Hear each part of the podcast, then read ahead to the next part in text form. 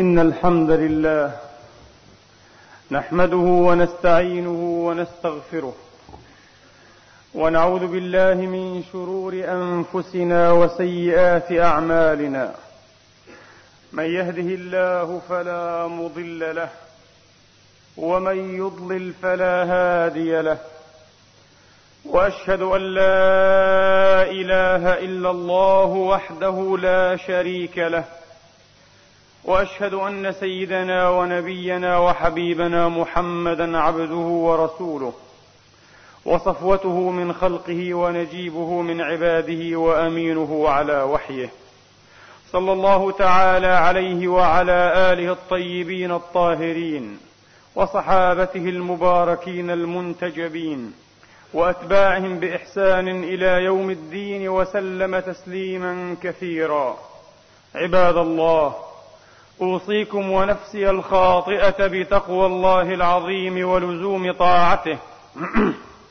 كما أحذركم وأحذر نفسي من عصيانه ومخالفة أمره. لقوله سبحانه وتعالى من عمل صالحا فلنفسه ومن أساء فعليها وما ربك بظلام للعبيد. أما بعد أيها الإخوة المسلمون الأفاضل أتابع معكم في خطبة اليوم ما انقطع من حبل الحديث عن قصة أصحاب الكهف هذه القصة القرآنية العالمية المعجبة التي وضع الله فيها سبحانه وتعالى مواضع كثيرة للاعتبار ومواطن كثيرة للادكار وانتهينا عند تفنيد الرواية الغربية النصرانية كما عرضتها دائرة معارف الأديان والأخلاق. وذكرنا جملة أخذت جملة مؤاخذات أخذت على هذه الرواية ومما يؤخذ عليها أيضا.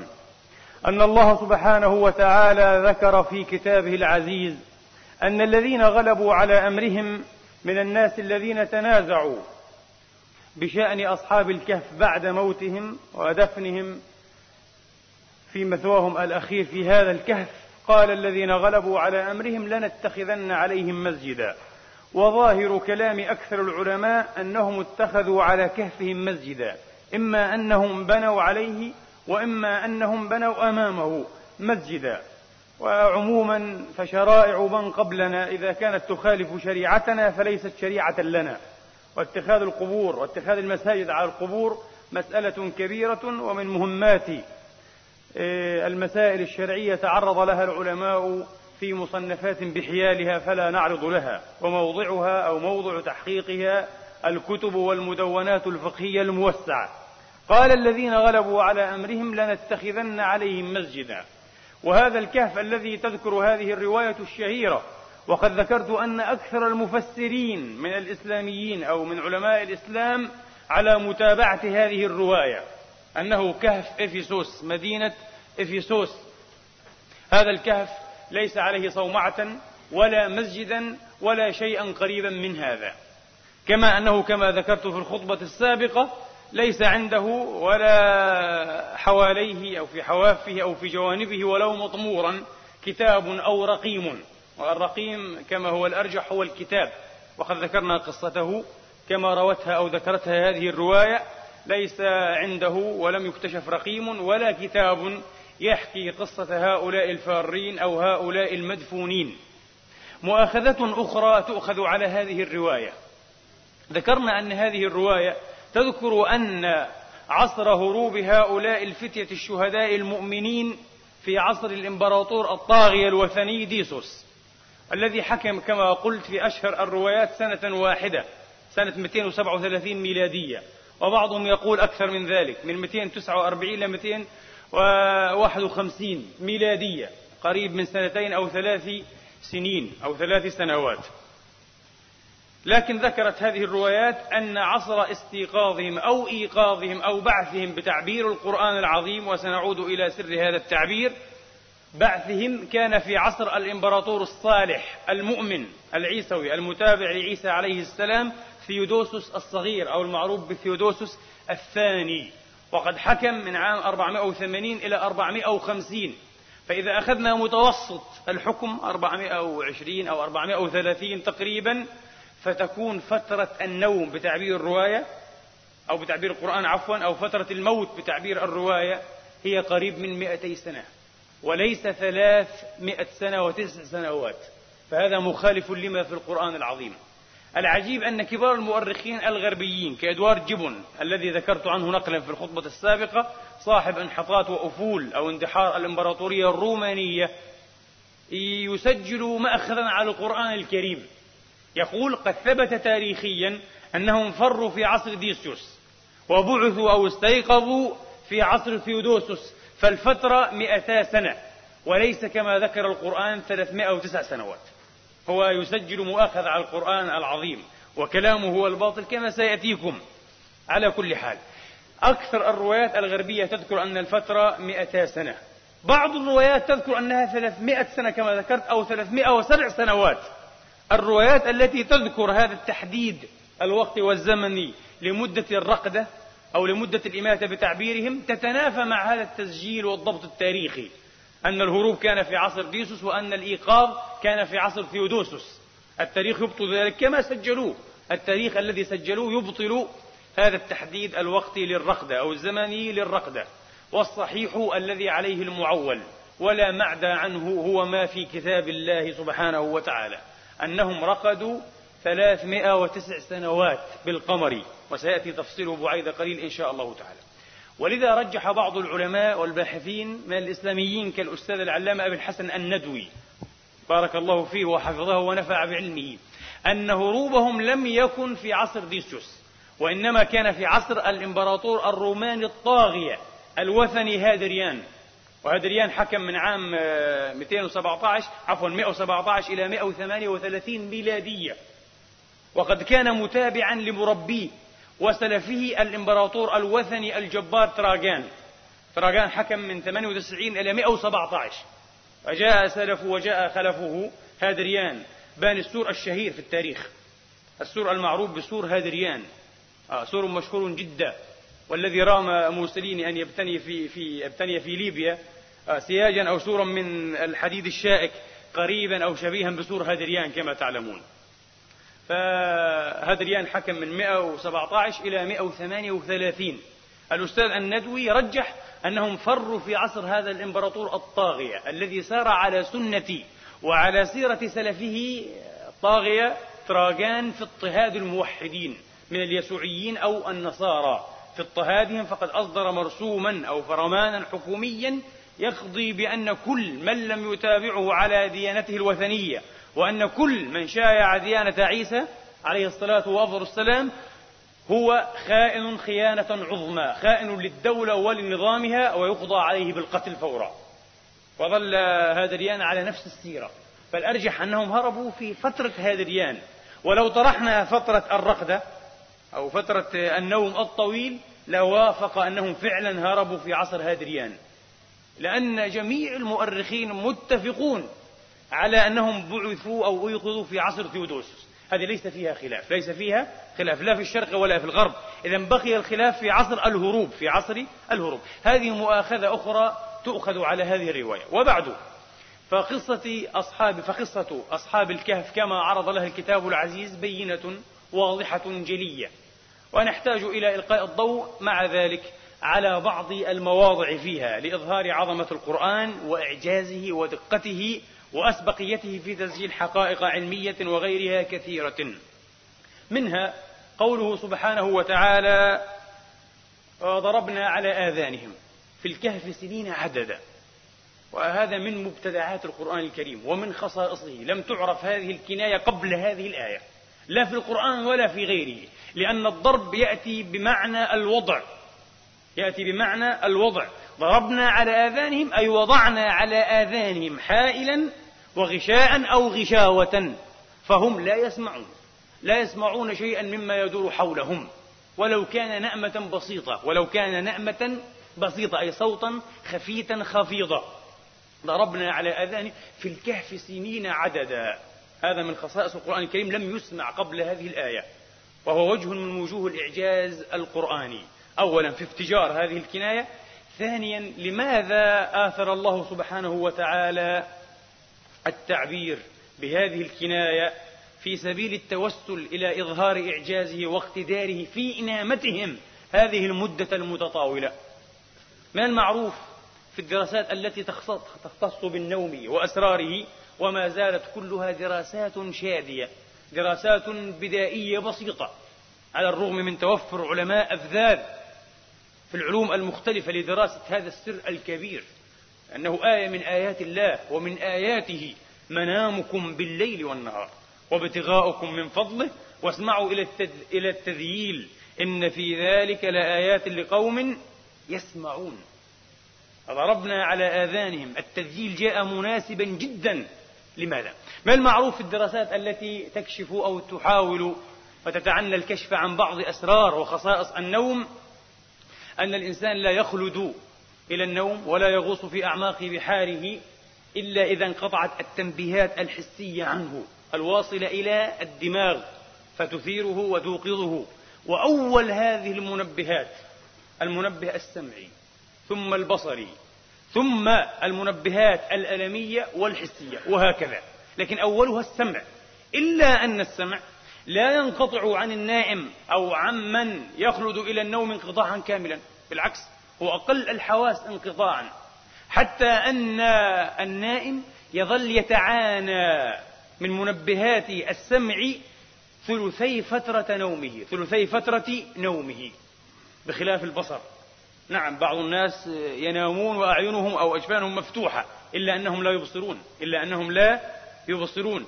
أما السمع فليس للإنسان أجفان. لذا قال تعالى فضربنا على آذانهم. كأنه جعل إيه؟ للآذان أجفانا ضربها عليهم فانقطعت علاقتهم بالعالم الخارجي بتاتا. وهنا يستطيع الإنسان أن ينام نوما طويلا ممتدا دون أن يوقظه شيء. وأحسب أن العلم الحديث فيما يستقبل الناس من فتوحه وكشوفه في آت الأيام والأزمان. سيتخذ قطعا وأنا موقن بذلك سيتخذ خطة جديدة في توصيف مراحل النوم أو ما يعرف ب profile النوم. سيتخذ خطة جديدة ل profile النوم تصطنع حاسة السمع لا حاسة البصر. فالمصطنع حاليا في كل هذه الدراسات حاسة البصر كمؤشر على profile النوم. والمعروف بنوم حركة العين السريعة. rapid eye movement نوم حركة العين السريعة. القرآن الكريم أعطانا مؤشرا جديدا. يمكن أن نصطنع به بروفيلا جديدا لمراحل النوم أو للنوم. أدق بكثير من هذا المؤشر المصطنع حاليا. لكن هذا يحتاج إلى جهود وبالذات من الباحثين الإسلاميين في هذه الحقول وكلها إشارات في كتاب الله. فضربنا على آذانهم في الكهف سنين عددا. يقال إن الإنسان في يقظته كائن بصري. يتصل بالوجود أكثر ما يتصل بالبصر لا بالسمع. ويتصل بالسمع والبصر والبصر أكثر. وهو في النوم كائن سمعي. فإذا قطع عنه موارد هذه الحاسة أو هذا الإحساس أخلد إلى نوم طويل جدا. هذا يثبت لنا حقيقة سنعرض لها بتفصيل نوعا ما. أن طريقة القرآن الكريم غير ما سجل علماء العقائد وغير ما سجل بعض الفلاسفة والمفكرين الإسلاميين في عرض معاجز الله وفي عرض الخوارق والآيات الكونية العجيبة المعاجز الإلهية في التصور القرآني تصطنع فيها أسباب كونية. لا تخرق الأسباب ولا تعدوها لكن بعض هذه الأسباب معلوم لنا وبعضها وهو البعض الأكثر غير معلوم لنا. وبهذا نستنتج أن سر إيراد القرآن الكريم للمعاجز والخوارق والآيات الكونية الكثيرة هو حث البشرية وتحفيز همتها وتحفيز هممها وتحريك القاعد من نشاطها إلى الوصول إلى هذه الغاية العليا. وهذا ما وقع تاريخيا وهو الأمر الواقع حاليا. وأنا لي في هذه المسألة تحقيق طويل جدا يحتاج إلى محاضرة طويلة. لأن بعض الناس ينكر هذا الفكر لأنه لا يستطيع استيعابه. لكن هذه سنة القرآن وهي طريقة القرآن. لما أراد الله تبارك وتعالى أن يرزق إبراهيم من زوجه التي آيست من المحيض قبل عقود من السنين. قيل كانت بنت تسعين. آه. جاءها الحيض. ولذا صكت وجهها. لما جاءها الحيض فضحكت. ومعنى ضحكت كناية عن أنه جاءها دم المحيض. فلما جاءها دم المحيض صكت وجهها وقالت عجوز عقيم. أألد وأنا عجوز؟ وهذا بعني شيخة إن هذا لشيء عجيب. جاءها المحيض. زكريا نفس الشيء. وامرأته كانت قد آيست من المحيض قال تعالى وأصلحنا له زوجه. أصلحها عادت إلى فترة الشباب والتبييض والحيض إلى آخره وبهذا أظهر الله معجزته. لما أراد أن يعرج بحبيبه ومصطفاه بعد أن أسرى به استخدم قدرة الضوء البرق ومنه أخذ البراق كما عليه أكثر العلماء. الله عز وجل يتوسل بالأسباب الكونية التي وضعها في هذا الكون لإبراز معاجزه. ولإظهار آيات اقتداره وهذا يحتاج كما قلت إلى نظرية متكاملة وإلى تحقيق طويل في هذه المسألة. أيضا يقول تبارك وتعالى في هذه السورة وترى الشمس إذا طلعت تزاور عن كهفهم ذات اليمين وإذا غربت تقرضهم ذات الشمال وهم في فجوة منه. وشرحنا هذا وهذا أيضا يدل على صحة ما ذكرت من نظرية. لماذا؟ لأن الله تبارك وتعالى قادر على حفظهم وعلى رد أذى حرور الشمس ولهيبها عنهم بغير هذه الوسيلة لكنه شاء سبحانه وتعالى أن يحترم هذه الأسباب التي وضعها في كونه وفي خلقه فألهمهم أن يتخذوا هذا الغار أو هذا الكهف الذي ليس شرقيا ولا غربيا لم يكن شرقيا ولا غربيا وإنما كان قطبيا. ورجحنا بالدليل الواضح بحمد الله تبارك وتعالى أنه كان قطبيا جنوبيا وليس قطبيا شماليا ولا شماليا شرقيا كما عليه كل المفسرين للأسف. لم أجد مفسرا ذكر أنه كان جنوبيا. كلهم قالوا كان شماليا وهذا خطأ واضح. وسيأتي برهان أنه كان جنوبيا في آخر هذه الخطبة إن شاء الله تبارك وتعالى. إذا هذا أيضا من باب اصطناع الأسباب. وترى الشمس إذا طلعت تزاور عن كهفهم ذات اليمين وإذا غربت تقرضهم ذات الشمال وهم في فجوة منه ذلك من آيات الله. ثم قال سبحانه وتعالى لو اطلعت عليهم. لوليت منهم ونقلبهم ذات اليمين وذات الشمال وكلبهم باسط ذراعيه بالوسيط لو اطلعت عليهم لوليت منهم فرارا ولملئت منهم رعبا وفي قراءة سبعية ولملئت منهم وفي قراءة أخرى رعبا بضمتين وهذا أبلغ في الدلالة على ما سيقت الآية لأجله. لملئت زيادة المبنى تدل على زيادة المعنى كما هو مقرر في البلاغة. ولملئت منهم رعبا بحركتين ثقيلتين بضمتين وليس رعبا فقط في قراءة أخرى صحيحة. ونقلبهم ذات اليمين وذات الشمال وكلبهم باسط كعادة الكلاب ذراعيه بالوسيط أي بفناء الكهف أي بفناء الكهف في مقدمة هذا الكهف بالوسيط. إذا التقريب ليس للكلب وإنما لهم فقط كرامة وحفظا وليس مجرد كرامة كما قال بعضهم. كرامة نعم ولذا لم يكرم بها الكلب. ولذا قال العلماء قد أصبح رمة فني. في هذه الفترة 309 سنوات ولم يبعث معهم إنما هم الذين بعثوا فقط. أما هو فقد أرم وأصبح رمة ونقلبهم ذات اليمين وذات الشمال. لماذا هذا التقليب؟ من المعروف؟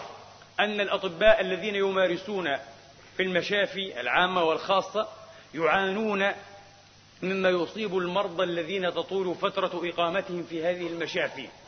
وذلك كأنواع الشلول الشلل المختلفة كأنواع الشلول وإصابات العمود الفقري وحالات السبات العميق التي تصيب أو الكومة تصيب كثير من المرضى في بعض الحالات المعروفة في الطب وأشياء كثيرة وبعض الكسور الخطيرة.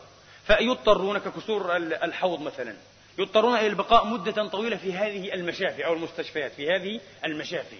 مما ينتج عن ذلك ما يعرف بقرحة السرير السور قرحة السرير تقرحات السرير. التخت. وبعض العرب الإخوة السوريين يسمونها الخشكريشات.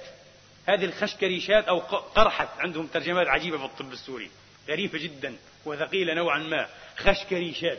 هذه الخشكريشات أو قرحة السرير وهذه ألطف بدسور تنتج في بعض الأماكن الأماكن خصوصا كمنطقة العجز والإليتين ولوحي الكتفين وكعبي القدمين. وكعبي القدمين. لماذا؟ لطول ما تنضغط هذه الأماكن بين الأجزاء الصلبة من الجسم وبين السرير وبين السرير. فتنقص ترويتها الدموية للجلد وللأنسجة تحت الجلد للجلد والأنسجة تحت الجلد. فيحدث هناك تموت يحدث هناك تموت وتقرح. حتى أن الإنسان يزيل هذه الخشكريشات بالموسى أو بالسكين أو بيده دون أن يشعر بألم لأنها أجزاء ميتة منه لأنها أجزاء ميتة منه. وبطول الزمان لها آثار خطيرة. إذا أصابت بعض الأماكن ليس ككعبي القدمين مثلا فليس لها خطر كبير. لا علاج لها إلا بأن يقلب الممرضون أو الممرضات. هؤلاء المرضى كل ساعتين كحد أقل أو أدنى. لا بد أن يقلب من جنب إلى جنب ومن جهة إلى جهة كل ساعتين. فإذا مضى على هذا المتمدد في سريره المريض اثنتا عشرة ساعة دون أن يقلب بدأت هذه التقرحات أو الخشكريشات في الظهور. فما أروع القرآن وما أعجزه وما أدق حين قال منزله سبحانه ونقلبهم ذات اليمين وذات الشمال. حماية لهم وتدبير الله بهم سبحانه وتعالى حتى يبلغ الكتاب أجله وحتى ينقضي ما دبر الله وما شاء لهم من فترة رقدتهم الطويلة. ونقلبهم ذات اليمين وذات الشمال وكلبهم باسط ذراعيه بالوسيط لو اطلعت عليهم الاطلاع هو أن ينظر الإنسان من مطلع. وفي الحديث هول المطلع أهوال المطلع. أهوال المطلع عندما يدخل الإنسان في السياقة والاحتضار فإنه يطلع على ما يستقبله من الحياة البرزخية والأخروية. كان سيدنا عمر عليه الرضوان يقول يعني لو أن لي ما في الأرض جميعا لافتديت به من هول المطلع وليس المطلع. المطلع.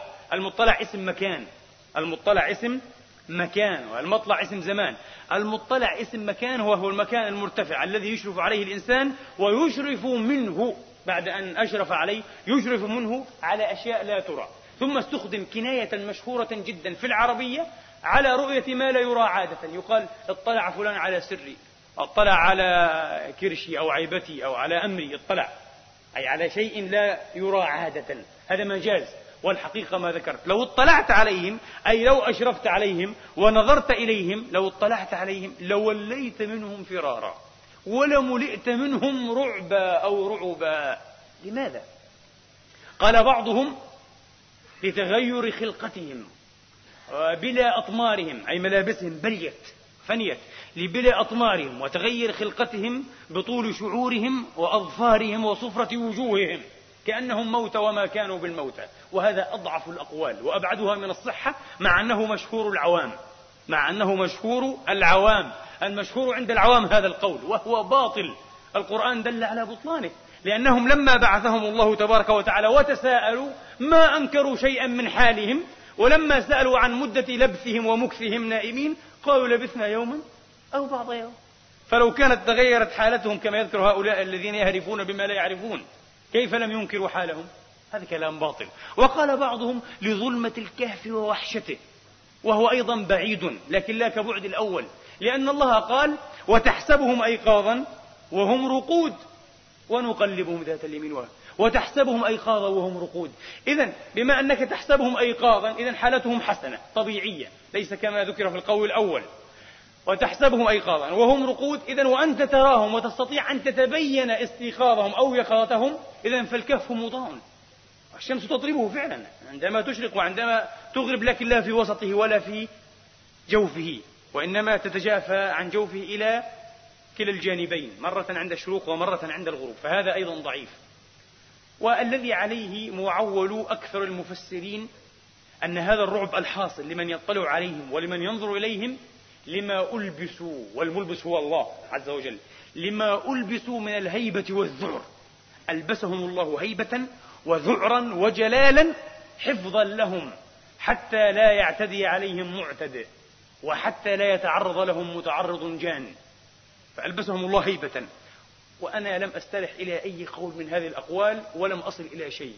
يبدو أن الأمر أكبر من ذلك. وحتى المخاطب قد يكون هو رسول الله أيضا لو اطلعت عليه. وقيل ليس الرسول فقط وإنما إيه؟ كل مستمع. فلو قدر أنه رسول الله فالأمر أكبر من ذلك إذن.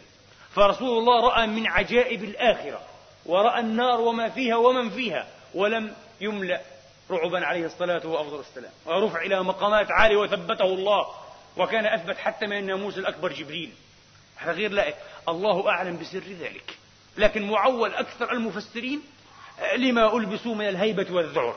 وقال بعضهم وهو الشيخ العلامة ابن عاشور وهذا القول لم أستسمنه وقد يكون زمينا قال هذا الذعر الحاصل ليس خوفا من ذواتهم فليس في ذواتهم شيء يخالف خلقة الناس الآخرين وإنما لأنهم كانوا في كهف فلو اطلع عليهم إنسان لحسب أنهم لصوص أو قطاع طريق وهم جماعة وليسوا واحدا أو اثنين؟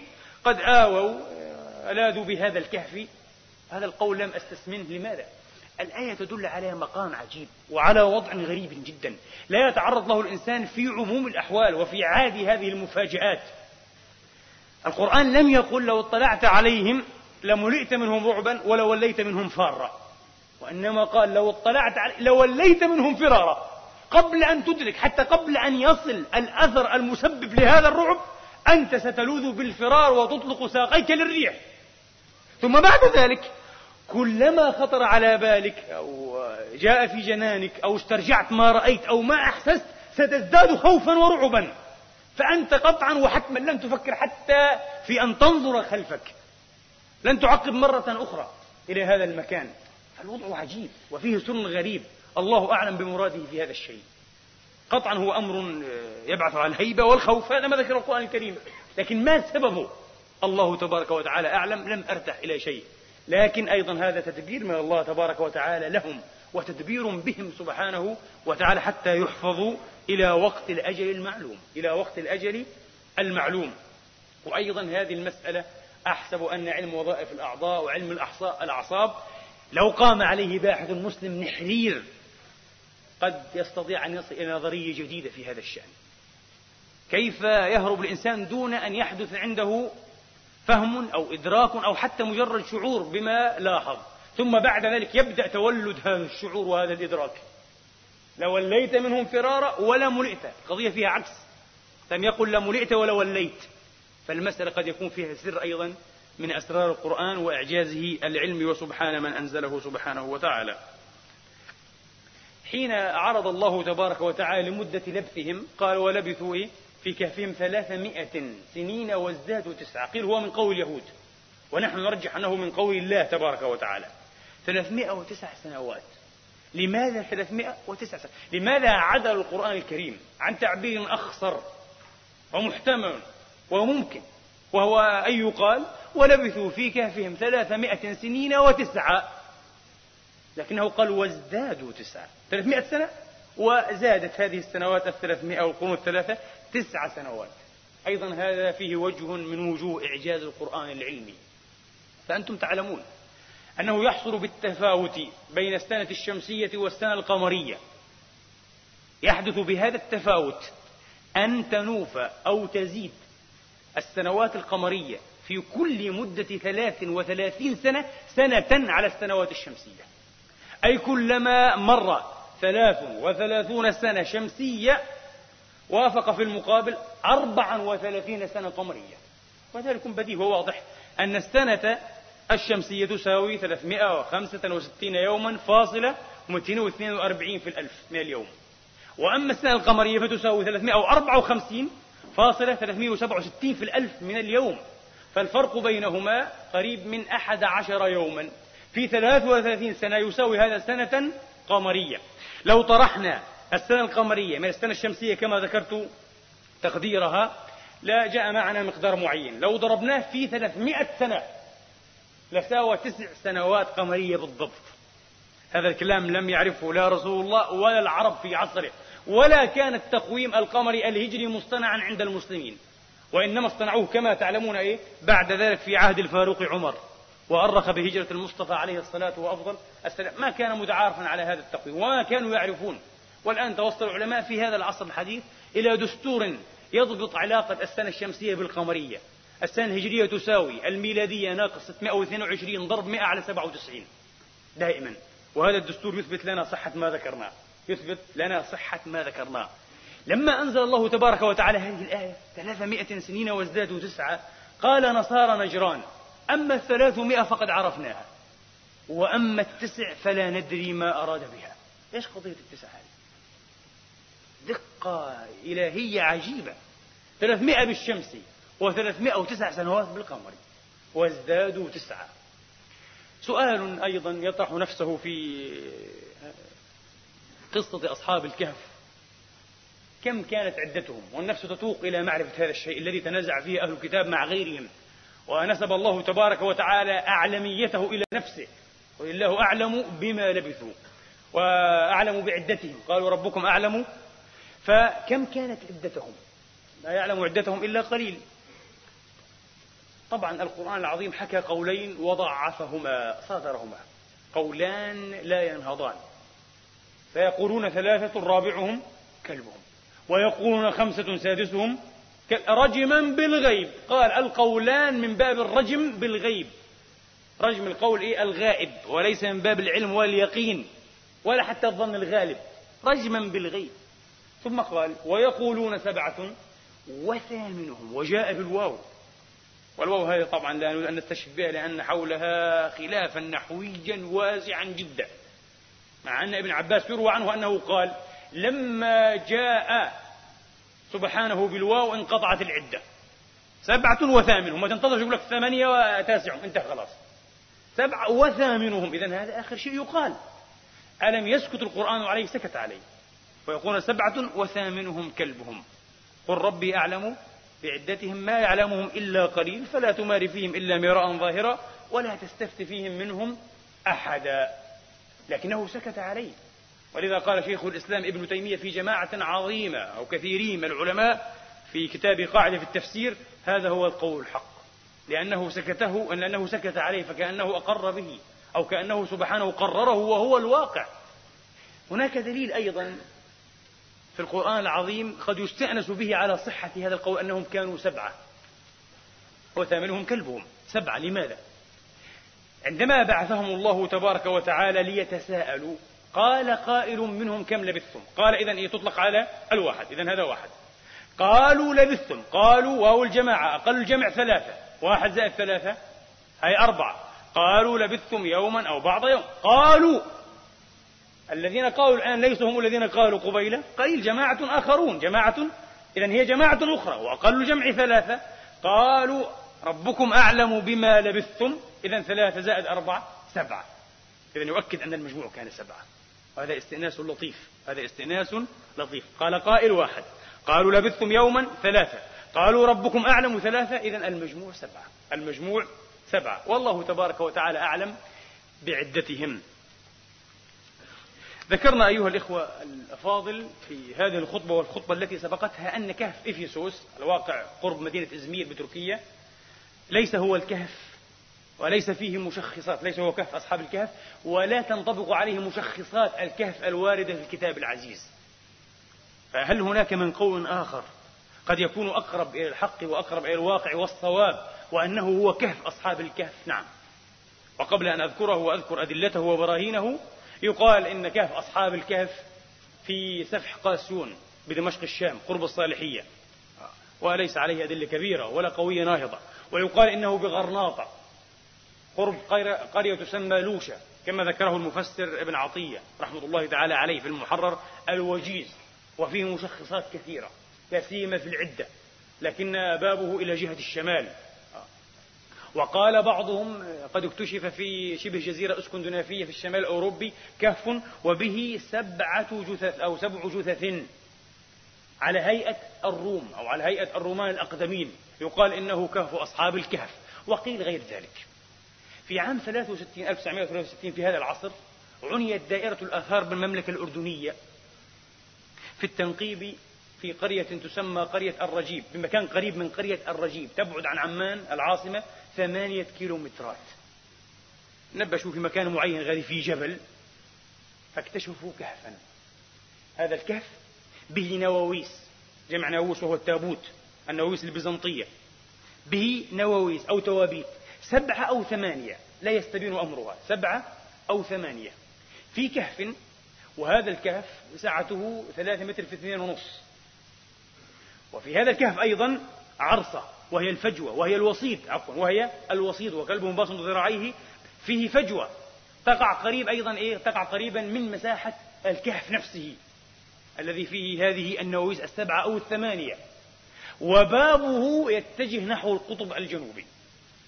وقد رجحت أن الباب ينبغي أن يكون إلى جهة الجنوب نزولا على المعمول في تعيين جهة اليمين واليسار وأنه باعتبار الداخل في لا الداخل إلى لا الداخل إلى كما وهل فيه كثير من العلماء والمفسرين. فهمه إلى ووجدوا عليه وهذا مشخص آخر هذه مشخصات كلها قرآنية موجودة تنطبق على الواقع. ووجدوا أيضا مشخصا آخر وجدوا صومعة دار عبادة. مسجد مكان سجود. المسجد اسم مكان يوجد فيه لله. صومعة قد بنيت فوق هذا الكهف. لنتخذن عليهم مسجدا موجودا. ووجدوا سطورا مكتوبة باللغة اليونانية القديمة وباللغة الثمودية لكنها ممحية أو ممحى لا يقرأ منها شيء. وصورة كلب تصوير لكلب مصبوغ بالأحمر على هذا الكهف. في أشياء كثيرة. في أشياء كثيرة. هذه المشخصات تنطبق كلها على ما ورد في الكتاب العزيز. وقد نشر أو تصدى فاضل أثري أردني وهو رفيق وفاء الدجاني إلى بعث هذه الحقيقة التي نامت عليها القرون قرونا مع أن المسلمين في القديم قد استدلوا على هذا الكهف وبنوا حوله أكثر من مسجد. لكن طمر كل أولئك ونسيته القرون. واخترم في الذاكرة. فجاء هذا الدجاني الفاضل الأثري وألف كتابا شهيرا أسماه كهف أصحاب الكهف. جاء فيه بأدلة وفيرة وكثيرة على أن هذا الكهف هو الكهف المذكور في الكتاب العزيز. ومن المعاصرين أيضا الأستاذ محمد تيسير ظبيان ألف كتابا عن كهف أصحاب الكهف رجح فيه أنه كهف الرجيب والرجيب قرية قريبة من عمان والكهف يقع في جبل قريب من هذه القرية يسمى كهف الرجيب وهو كهف أصحاب الكهف. والله تبارك وتعالى أعلم. تنطبق عليه تقريبا كل المشخصات الواردة في الكتاب العزيز. وأهمها كما حقق أنه قطبي جنوبي. فينطبق عليه مشخص تزاور الشمس وقرضها إياهم تماما كما في كتاب الله تبارك وتعالى. والله تبارك وتعالى وحده عنده العلم. ورجح هذا الفاضل الأثري أنهم إنما هربوا لا في عصر هادريان كما ذهب الأستاذ الندوي وإنما في عصر سلفه الطاغية البطاش تراجان لكنه أخطأ خطأ أنبه عليه. قال حكومة تراجان كما ذكرت لكم من 98 إلى 117 ميلادية وهم بعثوا في فترة الرجل الصالح العيسوي ثيودوسوس الثاني أو الصغير. هو قال لا نعلم متى بعثوا إذ أن الروايات اليسوعية تذكر أنهم بعثوا إما 425 أو 437 والروايات الإغراقية, الإغراقية تقول أنهم بعثوا 447 49 و50 خلاف كبير. فلا تماري فيهم إيه؟ ولا تستفتي فيهم منهم أحد لأنهم مختلفون وليس العلم عندهم. العلم عند الله منزل هذا الكتاب. قال فلو طرحنا هذه الفترة فترة الإيقاظ على أنها جاءت في متوسط مدة حكم ثيودوسوس الثاني 421 أو 20 مثلا. وطرحنا منها فترة الرقد أو النوم. فكم يتبقى؟ يعني 420 أو 21 طرحنا منها 309 كم يتبقى؟ 100 تقريبا وأحد أو 111 أو 11 111 قال فهذا يأتي في زمن الإمبراطور تراجان وليس في زمن هذريان كما قال الندوي. هذريان من 117 وهذا خطأ. لماذا؟ لأنه طرح إيه؟ طرح سنوات قمرية من سنوات شمسية. هذا غلط. والعصمة لرسول الله عليه الصلاة وأفضل السلام. الثلاثمائة وتسع سنوات بالقمري وكان يجب أن يطرح السنوات الشمسية ثلاثمائة فقط. فلو طرحها لكاف وكان لكان هروبه موافقا فترة الحاكم هادريان وليس تراجان وهذا هو الصحيح. أيها الإخوة سأذكر بعض التعقيبات على هذه القصة العجيبة وهي تعقيبات كثيرة وفيها أسرار من أسرار هذه القصة. فيما تبقى من وقت هذه الخطبة وسأكمل ذلك. آه، إن لم أتدركه جميعا بعد الخطبة فمن شاء جلس إن شاء الله تبارك وتعالى. القرآن العظيم عبر عن بعثهم بأنه. عفوا عبر عن إيقاظهم بأنه بعث. فهل ماتوا؟ أنهم لم يموتوا وإنما ناموا. فلماذا عبر بالبعث؟ بعثناهم ليتساءلوا بينهم. من مقررات العقيدة الإسلامية أن النوم وفاء. أن النوم وفاء وأنه أخو الموت. فقد روى أبو الحسن الدار قطني من حديث جابر بن عبد الله مرفوعا قيل يا رسول الله أفي الجنة نوم؟ قال كلا ليس في الجنة نوم. النوم أخو الموت. النوم أخو الموت. وقد قال علماؤنا في عبارة لطيفة النوم موت خفيف. والموت نوم ثقيل. قال تبارك وتعالى وهو الذي يتوفاكم بالليل. سمى الإنامة أو النوم إيه؟ وفاة. ثم يبعثكم وهو الذي يتوفاكم بالليل ويعلم ما جرحتم بالنهار. ثم يبعثكم فيه. سماه أيضا بعثا كما في سورة الكهف. وفي سورة الزمر قال تبارك وتعالى من قائل الله يتوفى الأنفس حين موتها. هذه توفية الموت. والتي لم تمت في منامها أي يتوفاها أيضا. وهو الذي يتوفاكم يتوفاها أيضا يتوفاها في منامها. فيمسك التي قضى عليها الموت لا يعيد إليها روحها إلى بدنها. ويرسل الأخرى إلى أجل مسمى. ولذا كان عليه الصلاة وأفضل السلام كأنه يتأول معنى القرآن حين يقول في دعاء رقدته أو نومه يقول باسمك اللهم أضع جنبي وبك أرفع إن أمسكت نفسي يمسك ويرسل. إن أمسكت نفسي فاغفر لها وإن أرسلتها فاحفظها بما تحفظ به عبادك الصالحين. وكان إذا استيقظ من نومته يقول باسمك اللهم نحيا ونموت. الحمد لله الذي أحيانا بعدما أماتنا وإليه النشور. إذا هو بعث يا أحبابي. للأسف قبل أيام فرغت من قراءة كتاب لمفكر عربي يزعم أنه يدافع عن الإسلام وأنه يريد أن يعود بنا إلى الإسلام الحق الصافي كما أنزله الله. لكن لا إسلام الرسول. هو لا يريد إسلام الرسول ولا سنة الرسول جملة وتفصيلا. جعل قصة أصحاب الكهف من الخرافات وجعل قصة فلق البحر وبهذه العبارات في أكثر موضع من كتابه. ثم يقال لنا يا أخي لا تكفروا الناس. نحن لا نحب التكفير ولا نحب حتى التشدد في إصدار الأحكام ولا تعميمها. لكن إذا هذا لم يكن كفرا فبالله عليكم قل قولوا لي ما هو الكفر. يعني بعض الناس يقول قضية الاعتقاد قضية شخصية. بينك وبين الله. وما دام الإنسان أعلم إسلامه فهو مسلم رغم الإسلام نفسه. حتى لو أنكر 99% مما في الإسلام. وقال إنه مسلم فهو مسلم رغما عنا لا والله. والله ليس بمسلم. وحتى وإن صام وصلى وزعم أنه مسلم وقال مثل هذا الكلام فليس بمسلم. تكذب الله. يكذب الله تكذيبا. أساطير خرافات يقول. أساطير وخرافات. قلت له قاتلك الله. فبماذا عدوت أو جاوزت كفار قريش المكيين حين قالوا وقالوا أساطير الأولين اكتتبها؟ هذه ميثولوجيا. ميثولوجيا يونانية قديمة يكتتبها فهي تملى عليه بكرة وأصيلا. قال قصة المن والسلوى وقصة ضرب العصا وقصة أصحاب الكهف وقصة وقصة قال كلها خرافات. ويزعم أنه عن الإسلام شيء غريب. عقله لم يستوعب. قال لابد أن نفكر بطريقة منطقية. أين المنطق في أن هناك إنسانا ينام 309 سنوات؟ هذا غير غير منطقي. كيف غير منطقي؟ هذا منطقي لكنه ليس عاديا. ولا يقع كل يوم. أليس كذلك؟ لكنه إذا رجعنا إلى قواعد اللوجيك أو المنطق ونحن بها عالمون بإذن الله فهذا منطقي كل منطقية. لأنه لا يقتضي نوعا أو ضربا من ضروب التناقض المعروفة في المنطق. فهو منطقي بل وعلمي أيضا.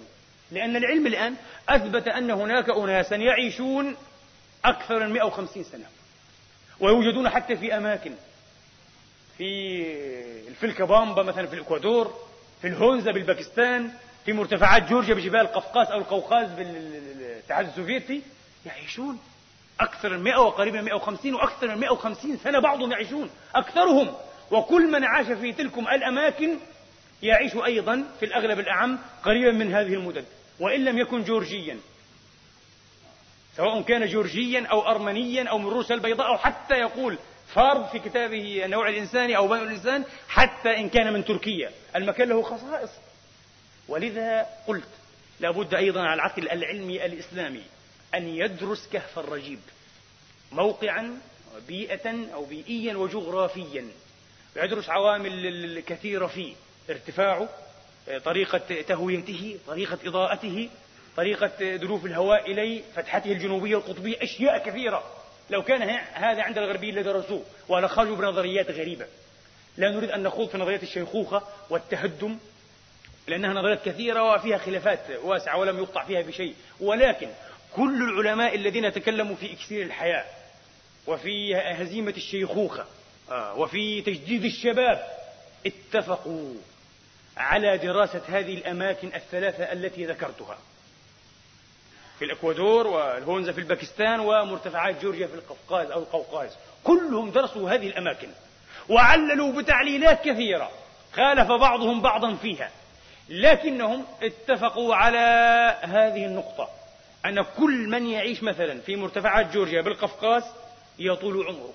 كل الذين انتقلوا هناك ليس من الضروري أن يكونوا إيه؟ من نسل معين. لأن بعضهم قال ربما هذا يعود إلى انعزال المورثة أو الجين الخاص بالأعمار بطول العمر. ربما يعود إلى انعزال هذا اصطلاح وراثي نريد أن نخوض فيه في علم الجينيتك ربما يعود إلى انعزال هذه المورثة الخاصة بطول الأعمار. جميل. لكن ثبت أن كل من جاء إلى هذا المكان وعاش فيه وإن لم يكن من هذا العرق ولا من هذا النسل يطول عمره. المكان فيه خاصية. فلما لا نبحث إذا في خاصية هذا المكان العجيب؟ الكهف. أم حسبت أن أصحاب الكهف؟ فربما نصل إلى شيء. هكذا ينبغي أن نستلهم القرآن الكريم. أشياء كثيرة. ثم إن هذا البعث الذي ذكره القرآن العظيم وكذلك أعثرنا عليهم. لماذا أيقظهم الله من نومتهم؟ لماذا بعثهم باصطلاح الكتاب؟ وكذلك